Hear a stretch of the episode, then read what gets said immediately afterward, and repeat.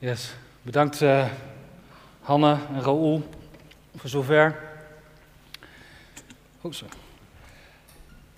Ik zou, en ik weet dat ze het daar eigenlijk niet voor doen, maar toch zou ik graag eens even willen vragen of de mensen die er al een tijd mee bezig zijn, de organisatie, of ze even willen gaan staan. Dus de mensen van het kernteam, mobilisatieteam.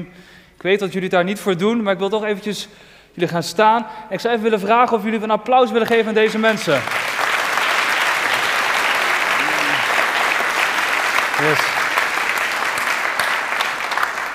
Het zijn mensen die wel, zijn al met, een, met een groep zijn weer al, maanden mee bezig om dit voor te bereiden. Mensen die uh, echt heel veel tijd en energie hier insteken. En nou, ik vind het geweldig dat we al zo ver met elkaar gekomen zijn. En ik geloof dat er nog veel meer voor ons, voor ons klaar ligt. Goed, het thema van vanavond is Operatie Andreas. En uh, centrale tekst, misschien kan die even op de beamer verschijnen. Centrale tekst is de volgende uit Johannes 1. Er staat: Het eerste wat Andreas deed, was zijn broer Simon Petrus opzoeken en hem vertellen: We hebben de Messias gevonden. Dat is de Christus. En hij bracht hem bij Jezus. Het eerste wat Andreas deed, was naar zijn broer toe gaan. Wat heeft u gedaan? Wat heb jij gedaan? Het eerste, toen je Jezus leerde kennen. Ik, ik weet zeker dat, dat u daar iemand toe bent gegaan, misschien wel een voorganger of een vriend of een familielid. En gedeeld hebt, jongens, er is van binnen wat veranderd bij mij. Er is iets gebeurd. Nou, dit is eigenlijk precies hetzelfde wat Andreas deed. Andreas was een volgeling van Johannes de Doper. En op een dag zagen ze samen Jezus voorbij komen. En toen ze dat zagen, zei Johannes: Maar kijk eens, dit is Jezus, dit is het Lam van God. En nou, Andreas die draaide om en ging gelijk achter Jezus aan. Hij bracht de dag met Jezus door. En hij ging als eerste daarna naar Petrus toe. Zegt: Petrus, kijk eens wie ik hier gevonden heb. Weet je, we zijn niet allemaal geroepen als evangelisten. We zijn niet allemaal geroepen om op een sinaasappelkistje op de hoek van de straat te staan en naar mensen het evangelie te roepen. En misschien wordt u helemaal bang en panisch bij het idee dat u dat ooit zou moeten doen. En geen paniek, daar gaat het niet om. Het gaat erom dat we allemaal leren om een getuige te zijn van de hoop die in ons is. Ik geloof dat wij iets hebben ontvangen in ons wat zo geweldig is, wat de hele wereld moet weten. En Petrus die, die, die omschrijft dat als volgt. Hij zegt, wees altijd bereid verantwoording af te leggen aan iedereen die u rekenschap vraagt van de hoop die in u woont? Zijn we altijd bereid om die hoop die in ons leeft, om daar verantwoording over af te leggen? Het, het apart is, Petrus schreef dit, deze brief schreef hij aan christenen in het oude Rome. Dat was de eerste gemeente. En ze hadden het niet heel makkelijk. Er was een vervolgde kerk. He, dat was in de tijd van keizer Nero. En wat keizer Nero deed met christen, die zette die in de tuin neer en die gebruikte die werkelijk waar als fakkel. Christenen werden gevoed aan de leeuwen, die werden nou ja, doodgemaakt door de gladiatoren. Je kon van alles zijn, maar het slechtste was wel als je een christen was. Als je christen was, dan teken je als het ware je doodvonnis. Dan was het afgelopen. En dan zegt Petrus tegen jongens, hé, hey, maar wees Bereid om altijd verantwoording af te leggen van de hoop die in je woont. En het bijzondere was dat het aantal christenen in Rome alleen maar toenam. Het nam alleen maar toe. Christenen werden gedood en het aantal christenen nam weer toe. En waarom was dat zo? Dat kwam omdat de niet-christenen, die zagen dat die christenen vlak voordat ze de dood ingingen, ze keken die christenen in de ogen, wat ze in hun ogen zagen, hadden ze nog nooit gezien. Ze zagen liefde, ze zagen hoop. En ze hadden van, hé, hey, daar moet ik meer van weten. En de tijd waar wij nu in leven, lijkt hen eigenlijk heel weinig op die tijd. In de zin van dat je in Nederland, dat je fysiek gevaar loopt om over je geloof te vertellen. Maar tegelijkertijd weten we ook allemaal, daar kunnen we allemaal heel, in de kerk kunnen we heel stoer over doen. Maar buiten de kerk is het in één keer heel spannend om in één keer over je geloof te praten, toch? Wie vindt het spannend om op het werk of op school over zijn geloof te praten? Steek je hand eens op. Even eerlijk. Kom maar even allemaal in het licht. Het is spannend. Ook al zouden we het liever niet toegeven, ook al zouden we liever allemaal geloofshelden zijn. We vinden het vaak heel spannend om in één keer tegen die collega of die klasgenoot te zeggen: joh, hé, hey, hey, maar ik hou van Jezus. Ik, heb, ik heb een hoop in mij. Wow, dat zou je ook moeten weten. Dat vinden we heel spannend. Ja, ik, ik, en dat komt dus door de wereld om ons heen die niet echt dat wil, wil lijken te ontvangen. ik weet nog toen ik zelf tot geloof kwam. Ik ben ooit in een kroeg tot geloof gekomen. Ehm, en toen ik was er een tijdje mee bezig en ik werd er steeds enthousiaster over. En na een aantal jaar later, toen ehm, was ik op een verjaardag van mijn broer. Mijn broer is geen christen en er waren allemaal mensen die ik nog van vroeger kende. Ook vrienden van mij van vroeger, die ik al een tijd niet had gezien. En ik kwam met die, uh, een van die gasten in gesprek, die heette ook Bart toevallig. En ik zeg, joh Bart, waar ben je mee bezig joh? Wat, wat doe je allemaal? Nou, hij vertelde een heel verhaal over wat hij allemaal deed en allemaal mooie dingen die hij meemaakte. En, uh, en ik wist dat die vraag terug zou komen. Ik zeg, nou Bart, wat doe jij dan? Ik zeg, nou heb je even. ik zeg, ik werk nu inmiddels bij Jeugd met een opdracht en ik, nou, ik vertel mensen over Jezus. En hij keek me aan van, wat is er met jou gebeurd? En ik, ik vertelde gewoon over de hoop die ik had. En ik, joh, op een gegeven moment zat ik er zo in. ik had het echt helemaal zat helemaal in die swing en ik dacht van joh, de jongen die valt op zijn knieën neer en die zegt joh, hoe kan ik Jezus leren kennen? Nou, dat gebeurde helaas niet. ik had mijn verhaal gedaan. Hij keek me aan en zei: Joh, Bart, goed verhaal. Uh, mooi voor jou. En dan ging we verder praten over waar hij al de hele tijd over aan het praten was. En op dat moment verbaasde mij dat enorm. Ik dacht: Hoe is het nou toch mogelijk dat je hier zo makkelijk mee omgaat? Als Jezus echt is en wat hij in mijn leven heeft gedaan, dat wil hij ook bij jou doen. Ik geloof dat Jezus de meest bijzondere persoon is die ooit op deze aarde heeft rondgelopen. En de hele Bijbel spreekt over Jezus. Het spat van de pagina's af. De vier evangeliën, handelingen. Overal zie je de drive van mensen dat Jezus zichtbaar wordt. Of dat nou de evangelisten zelf zijn die erover schrijven. of dat nou Johannes de Doper is die de Heer Jezus bij mensen introduceert. Of dat nou Andreas is die Petrus meeneemt naar Jezus. Of die, die Samaritaanse vrouw die haar hele dorp meeneemt naar Jezus. En het hele dorp bij Jezus komt. Of de apostelen. De eerste christenen die overal vrijmoedig het evangelie predikten. Overal zie je de drive dat Jezus zichtbaar moet worden. Waarom is dat zo? Waarom is het zo dat Jezus zo centraal gesteld moet worden? Ik geloof dat het alles te maken heeft met waarvoor een mens gemaakt is. Een mens is gemaakt om de liefde van God te kennen. Ik geloof dat in ons diepste wezen ieder mens er zo intens naar verlangt om de God van liefde te kennen. We zijn gemaakt om zijn liefde te kennen. En we zien in de laatste decennia in Nederland een beweging ontstaan. Waar steeds minder mensen zijn die nog weten van Jezus. Een tijdje terug deden we een evangelisatieproject ergens in Nederland. En uh, er was ook met een christelijke studentenvereniging was daarbij betrokken. En ik ging, s'avonds laat ging ik nog naar die studentenvereniging toe om daar wat over te vertellen. Het was ruim anderhalf uur rijden. Nou, hè, voor degenen die zelf gestudeerd hebben, studenten die, die weten al dat studenten een beetje in een andere tijdzone leven dan hè, gewone normale mensen, zeg maar. Waar wij denken, nou, die worden tijd naar bed te gaan, dan gaan zij juist naar buiten toe om, nou ja, dan begint het leven, zeg maar. Dus ik stapte s'avonds in mijn auto uh, om weg te gaan. Nou, mijn kids, ik ben, mijn vrouw Marieke en ik, we hebben samen vier kids. Um, genieten we enorm van. En ik ging weg een beetje rond bedtijd van de oudste, de oudste twee. Dus altijd even knuffelen. En, en, en die, die oudste vraagt, nou papa, waar ga je naartoe? Ik zeg, nou, ik, ik vertelde waar ik naartoe ging. En mijn vrouw die kijkt me aan, nu nog? Ga je nu nog naartoe? Ik zeg, ja, nu nog. Ik moet naar studenten toe. En ik stapte in de auto en ik reed weg en ik stelde mezelf eigenlijk die, ook die vraag. Joh, waarom nu nog? Waarom doe ik dit nu nog? Zo laat.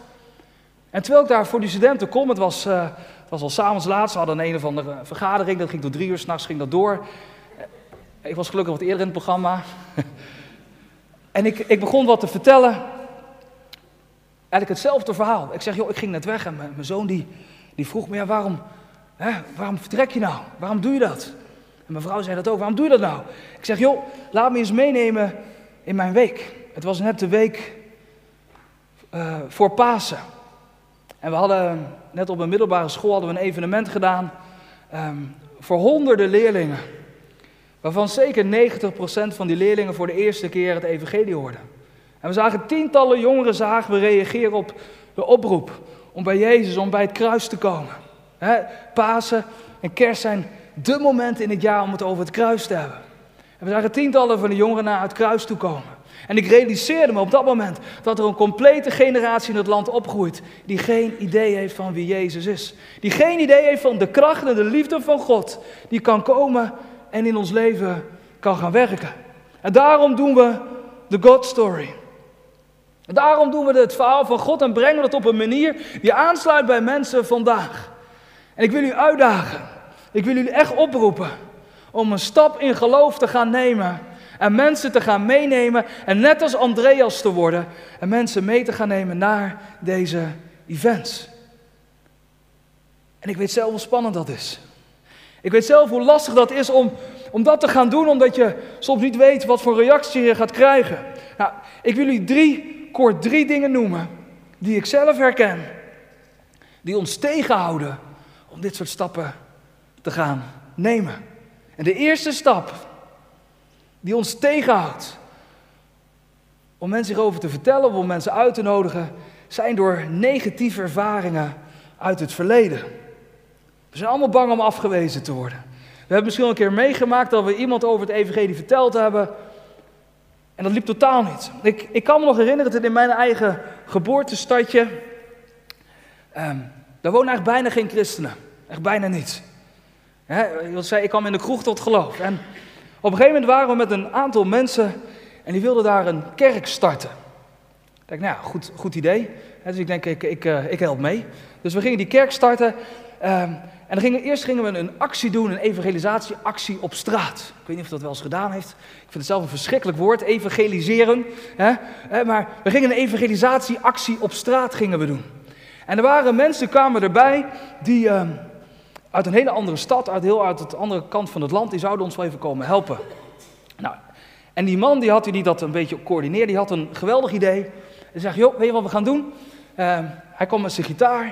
En dan, ga, zegt, dan gaan we gewoon zingend. Ik kom, ik kom met zo'n oud vestingstadje. Uh, en dan gaan we zingend gaan we door de winkelstraat lopen. Zaterdagmiddag. En dan gaan we met een hele slinger van mensen, van christenen, gaan we door de stad lopen en dan gaan we God aanbidden. Nou, 98% van die mensen die meededen kwam niet uit mijn stad. Dus die voelden zich wel redelijk vrijmoedig om dat te doen. Maar ik kende daar heel veel mensen. Dus ik vond het verschrikkelijk. Ik denk, hoe gaat dat eruit zien? En dus ik dacht eerst, joh, misschien kan ik wel eventjes uh, mijn knie breken of zo. Ik weet niet of dat kan, een knie breken. Maar ik dacht, misschien kan ik iets doen waardoor ik zo ontzettend geblesseerd ben. Waardoor ik toch niet mee kan gaan. Maar goed, ik, uh, ik had geen excuses meer. En ik dacht van, joh, ik doe het ook gewoon. Dus ik, ik liep achter dat rijtje aan van die mensen. En eerst ging ik nog een beetje aan de zijkant lopen. Dus hè, dan kan je precies tussen de, de winkel zeg maar, en de mensen kan je tussenop, dat niemand je ziet. Maar toen zag een meisje mij, zag mij lopen. Die, die zag me naar mij toe. Hij zei, hallo Bart. dacht ik, het heeft ook allemaal geen zin. Dus ik, ik kwam me gewoon tevoorschijn en ik ging gewoon God aanbidden door die straat heen lopen. En uh, nou, daarna heb ik nog op het Marktplein een hele met een oud klasgenootje... waar ik op de middelbare school zes jaar in de klas had gezeten... verteld over Jezus. Nou, ik ga je niet vragen om, niet vragen om die, dat weekend met ons allemaal... in de optocht de Emmeloor te gaan lopen.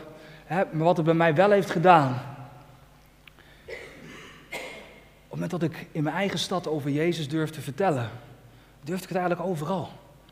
En tegelijkertijd zijn er soms van dit soort gekke initiatieven, waardoor we het voor mensen totaal onaantrekkelijk maken om christen te worden. Maar waar het over gaat, waar het om gaat, is dat we moeten leren om niet op te geven. Kijk, je moet ook verstandig zijn. Je moet ook denken, joh, dit werkt wel, dit werkt niet. We moeten niet opgeven. Het, het gekke wat er in ons hoofd is, is, is gaan ontstaan. Dus als het van God is, dan moet het vanzelf gaan. Dan komt de zegen van God uit de hemel en dan gaan de deuren allemaal vanzelf open. Maar in de praktijk is helaas zo dat het niet zo werkt. In ons eigen, eigen leven, van, van andere mensen die ik hoor, als ze een roeping van God krijgen, is het soms hard werken. Dan zijn er soms tegenslagen. Dan gaat niet alles meteen zoals we graag zouden willen. En wij zijn ondertussen een generatie geworden, met name de jongeren, waar ik mezelf ook nog toe reken, dat wij leren als het ware dat alles nou, redelijk vanzelf gaat. En dan kopiëren we dat naar God toe. Als het makkelijk gaat, dan is het voor God. Als het moeilijk is, dan kan het eigenlijk al niet meer van God zijn. Terwijl de Bijbel vol staat met verhalen van mensen die tegenstand hadden, die weerstand hadden, maar wisten dat God gesproken had. En dat is precies wat we bijvoorbeeld bij koning David zien. Koning David die werd geroepen. De geest van God kwam op. Er staat er in de Bijbel, vanaf die dag greep de geest van de Heer David aan. Ik denk, nou, dan wordt het een eitje. Toch? Rode loper. Maar hij heeft jarenlang heeft hij strijd gehad. Hij moest vluchten voor zijn leven. Saul wilde hem doden, zijn eigen zoon wilde hem doden. Hij had de zalving van God op zijn leven, maar toch was er die weerstand continu. Terwijl God gesproken had dat hij hem zou gaan gebruiken. En het sleutelwoord geloof ik is toewijding. Als we werkelijk willen zien dat die klasgenoten, dat die collega's, dat die familieleden, dat onze buren, dat ze Jezus leren kennen. Ja, dan kost het ons ook wat. Dan kost het ons wat. Door de weerstand heen gaan we God aan het werk zien. Jaren geleden deden wij een campagne in een stad. Bij de eerste informatiebijeenkomst waren er drie mensen uit dezelfde kerk. Dacht van, hoe kan dat nou? We hadden zoveel geloof dat er allemaal God geweldige dingen zou gaan doen. Er zaten drie mensen. Halverwege de avond kwam nog een mevrouw van boven de tachtig binnen gewandeld. Die dacht dat er een Israëlavond was. Die zat goed fatsoenlijk even een kwartiertje blijven zitten luisteren. Toen dacht joh, gaat het dan helemaal niet gebeuren, gaat het dan helemaal niet lukken. Toen zijn we gaan bidden en God wilt u iets wonderlijks gaan doen. En de, de bijeenkomst daarna waren er al 25 mensen. En de bijeenkomst daarna, weer een paar maanden later, waren er nog weer meer mensen. En uiteindelijk hebben we die, in stad, die stad een campagne kunnen doen van wat, wat meer dan 20 kerken samenwerkt. En we hebben dat weekend hebben we wel meer dan 100 mensen bij Jezus zien komen. Op het moment dat, en het heeft niks met ons te maken, maar het heeft ermee te maken dat we moeten gaan herkennen dat het Gods wil is dat mensen Hem leren kennen. En als wij zeggen, het wordt te moeilijk, hè? ik hou ermee op, dan gaan we niet die dingen zien die God voor ons heeft. Wat ik geleerd heb, is dat geloof ontwikkel je alleen als er weerstand is. Geloof ontvang je in de intimiteit met God als we Hem aanbidden en ontmoeting met Hem hebben. Maar geloof groeit op het moment dat er weerstand is. Dan gaan we ontdekken dat wij geloven dat het echt is. En dat mijn buurman en mijn buurvrouw Jezus ook keihard nodig hebben. Dus het eerste wat ons tegenhoudt zijn negatieve ervaringen. Het tweede wat ons tegenhoudt is dat we denken dat we compleet ongeschikt zijn. Wie voelt dat vaak? Joh, ik ben ongeschikt. Steek je hand eens op. Ik ook. Ik voel het heel vaak. Dan kijk ik om me heen en denk van joh, dan hoor ik verhalen over predikers in het buitenland waar allerlei wonderlijke dingen gebeuren. Dan denk ik van joh, kan er me beter mee ophouden. En misschien denkt het ook wel als ik, als ik mijn verhalen denk te vertellen, dat ik misschien ook wel denk van joh, nou ja, laat me zitten, het heeft allemaal niet zoveel zin. Do, do I have what it takes? Stel me die, ik stel me die vraag regelmatig nog van, joh, joh, God zit wel op mij te wachten. Weet je wat we nodig hebben? Zijn die alledaagse, alledaagse verhalen van mensen die Jezus leren kennen. Weet je, mijn vrouw is een heel ander type dan ik. Ik hou ontzettend veel van haar. En de manier waarop zij mensen bereikt, vind ik zo geweldig. Gewoon in de rust, ik ben af en toe een beetje een schreeuwert, maar mijn vrouw is gewoon rustig. En die eh, deelt zich gewoon vanuit de liefde van Jezus. En dan, een tijdje terug, als ze een, heeft een tijdje, toen ze nog studeerde, had ze, werkte ze bij thuiszorg, werkte ze bij een oude man, een vrouw van boven de 70. En die man die wilde steeds meer weten over Jezus. En uiteindelijk heeft hij zijn leven aan Jezus gegeven, eh, vlak voordat hij helemaal dement was geworden. En hij was zo vrolijk, omdat hij de liefde van Jezus in zich had gekregen. Weet je, we kunnen allemaal getuigen zijn van de hoop die in ons is. Maar je moet iets gaan zien. Dit is het geheim. Het gaat er niet om wat je bij jezelf ziet. Het gaat erom dat je ziet wie Jezus in jou is. Dat is het geheim. Toen David de strijd met Goliath aanging, kreeg hij het panzer van Saul aangeboden. Hij, dacht, ik kan doen als Saul. Ik kan doen alsof ik Saul ben met de kracht en de macht van Saul. Hij zei, joh, nee, dat, dat panzer heb ik niet nodig. Want hij wist dat God met hem was. Hij had gevochten met beren en met leeuwen. Hij had overwonnen, niet omdat hij zo sterk was, maar omdat hij wist dat God aan zijn zijde was. En toen hij Goliath tegenkwam, had hij maar een steentje nodig en vloep, Goliath ging gestrekt. Dat gebeurt op het moment dat we weten wie de God is die met ons is. Weet je, als ik naar mezelf kijk, is mijn grootste angst altijd geweest, en nu nog wel, wat andere mensen van me vinden. Kan je soms zo druk om maken. Ik joh, vinden ze me wel aardig? Vinden ze me wel oké? En als je dat zo'n belangrijke plek in je leven inneemt, dan kan het zo moeilijk zijn om de dingen te doen die God van je vraagt. Omdat het belangrijk is wat andere mensen van je vinden. Maar ik kan u vast vertellen, op het moment dat we de liefde van God delen, dan zullen die mensen in eerste instantie misschien wel denken, joh, wat ben jij nou voor vervelende vent of vervelende meid? Op het moment dat ze die liefde van God gaan ervaren in hun leven, dan zijn ze je eeuwig dankbaar. Echt waar. Tot slot het derde. Het derde ding wat ons tegenhoudt, is de relevantie. Wat hebben die mensen nou aan Jezus? Wat hebben de mensen vandaag de dag nou aan Jezus? Weet je, wij als christenen hebben vaak ook een hele slechte reputatie. En dat we mensen zeggen, joh, als je niet bekeert, dan ga je naar de hel toe. En God is dit en God is dat. En wat die mensen eigenlijk doen, is dat ze over een God praten waar ze zelf in geloven. Want God is geen God van oordeel. God is de God van redding. Hij is de God van liefde. En er zijn generaties lang mensen in dit land opgegroeid die altijd geloofd hebben in een God van oordeel. Als er iets misging in hun leven, zeggen ja, maar dat is omdat God me straft. Maar dat is niet de God van de Bijbel. De God van de Bijbel is de God van liefde. En ik geloof dat mensen vandaag zo intens verlangen naar de liefde van God. Zo intens verlangen naar zijn aanraking. En we zien dat elke keer weer gebeuren, ook bij onze events. Dan zeggen mensen eens van tevoren, joh, bij ons, in onze streek, zijn ze zo stug. Er reageert helemaal niemand op het evangelie. Zeggen ze dat in Emmeloord ook? Joh, Wil zijn ze zo stug. De grond is hard. Weet je wat de grond zacht maakt? De liefde van God. De liefde van God maakt harten zacht. Op het moment dat wij eerlijk en kwetsbaar praten over de worstelingen die we zelf hebben. De angst, de pijn. En dat de liefde van God daarin komt.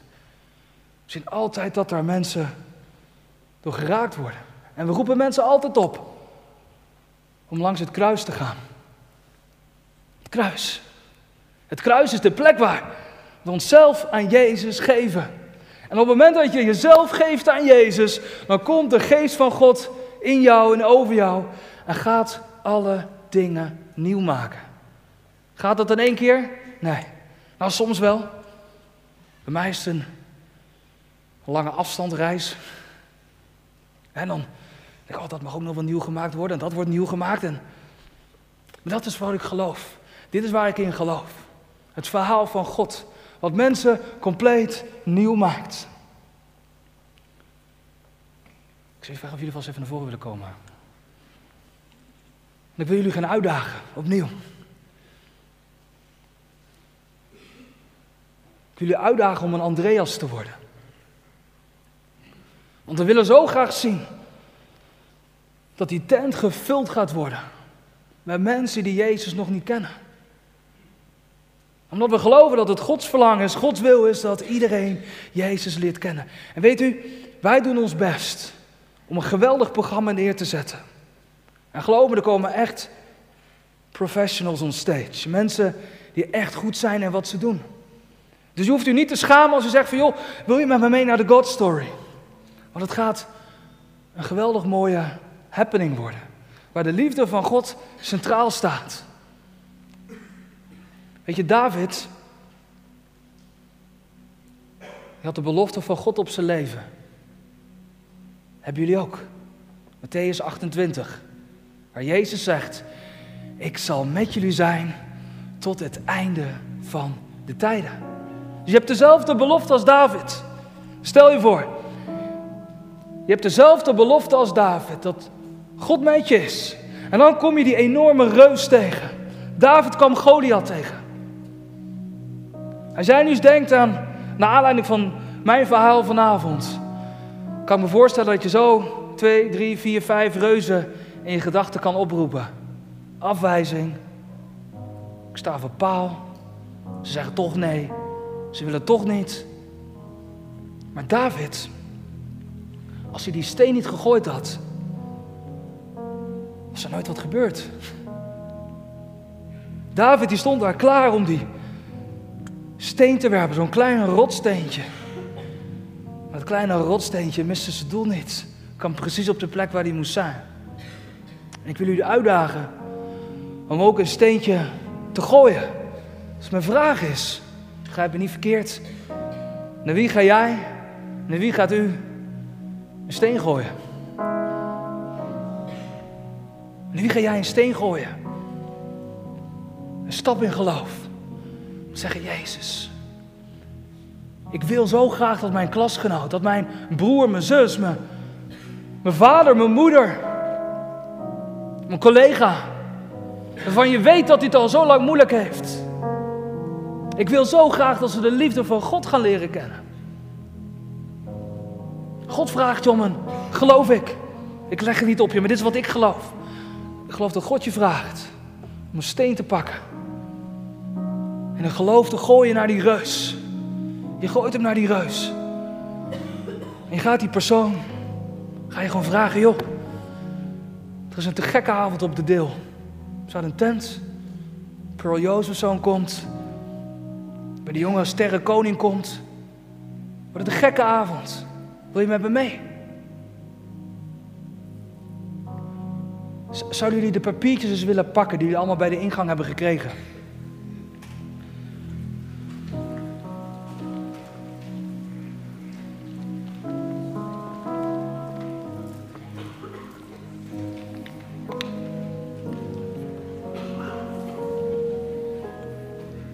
Wie heeft er geen papiertje?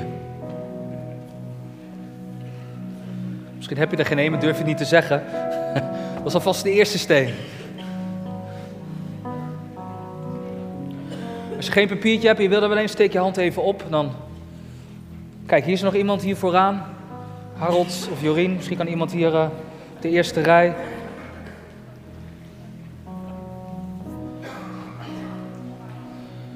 Steek je hand op als je een papiertje wil, dan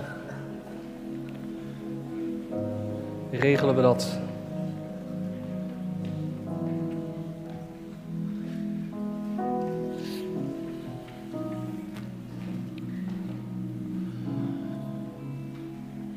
De voorkant is duidelijk. De Bijbeltekst hebben we net gehad. Dan mag je hem even omdraaien. Misschien was je er al. Dan zie je onderaan het papiertje zie je vijf lege strepen staan. En nu is het de bedoeling dat je op die lege strepen namen van mensen gaat opschrijven waarvan je weet, die kennen de Heer Jezus nog niet. Het kunnen collega's zijn, klasgenoten, familieleden, mensen op de voetbalvereniging, op de muziekvereniging, op de biljartvereniging, noem het maar op.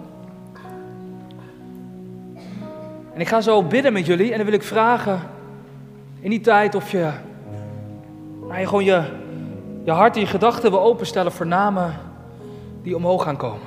Ja, zullen we dat samen doen?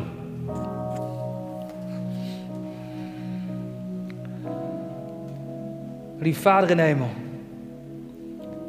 we danken u dat u een God van liefde bent. En u heeft ons zo gemaakt dat we het beste functioneren als we uw liefde kennen. Heer, en dat we geloven dat onze klasgenoten, collega's, buren, familieleden, noem het maar op. Allemaal gemaakt zijn om uw liefde te kennen.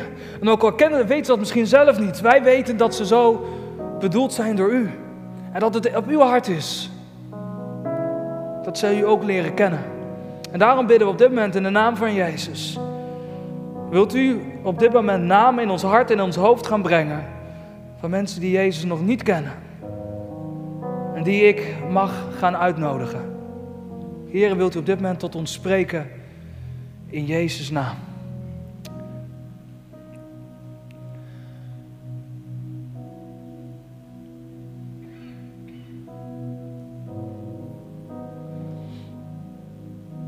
Als je naam ontvangt, dan mag je die op gaan schrijven.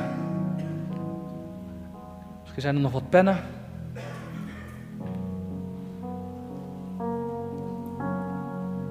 Blijf in de rust als je denkt, ik heb nog wat meer tijd nodig. Maar als je ik heb een pen nodig, mag je hand omhoog steken. Dan zorg dat er een pen bij je komt.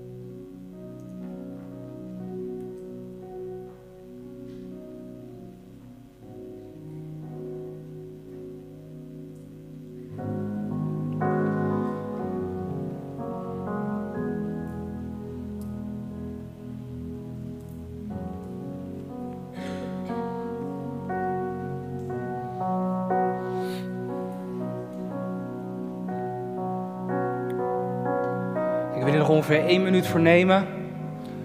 Als je nog even wat tijd nodig hebt, kan je dat ehm, nou, gewoon thuis verder doen natuurlijk.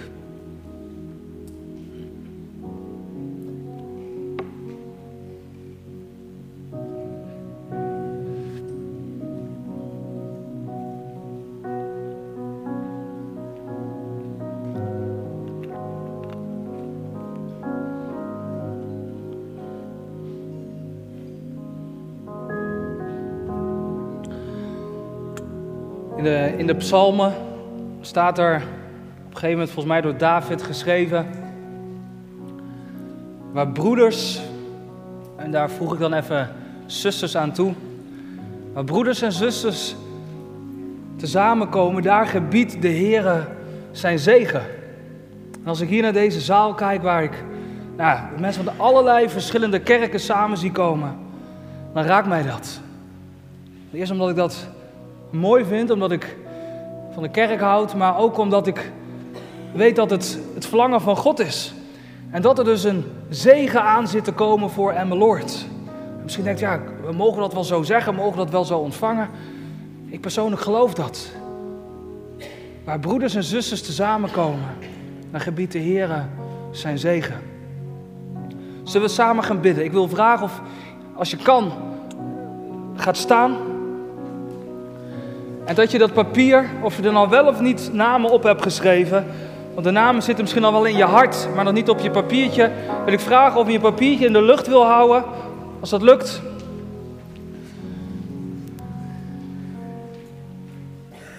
Dan gaan we samen bidden.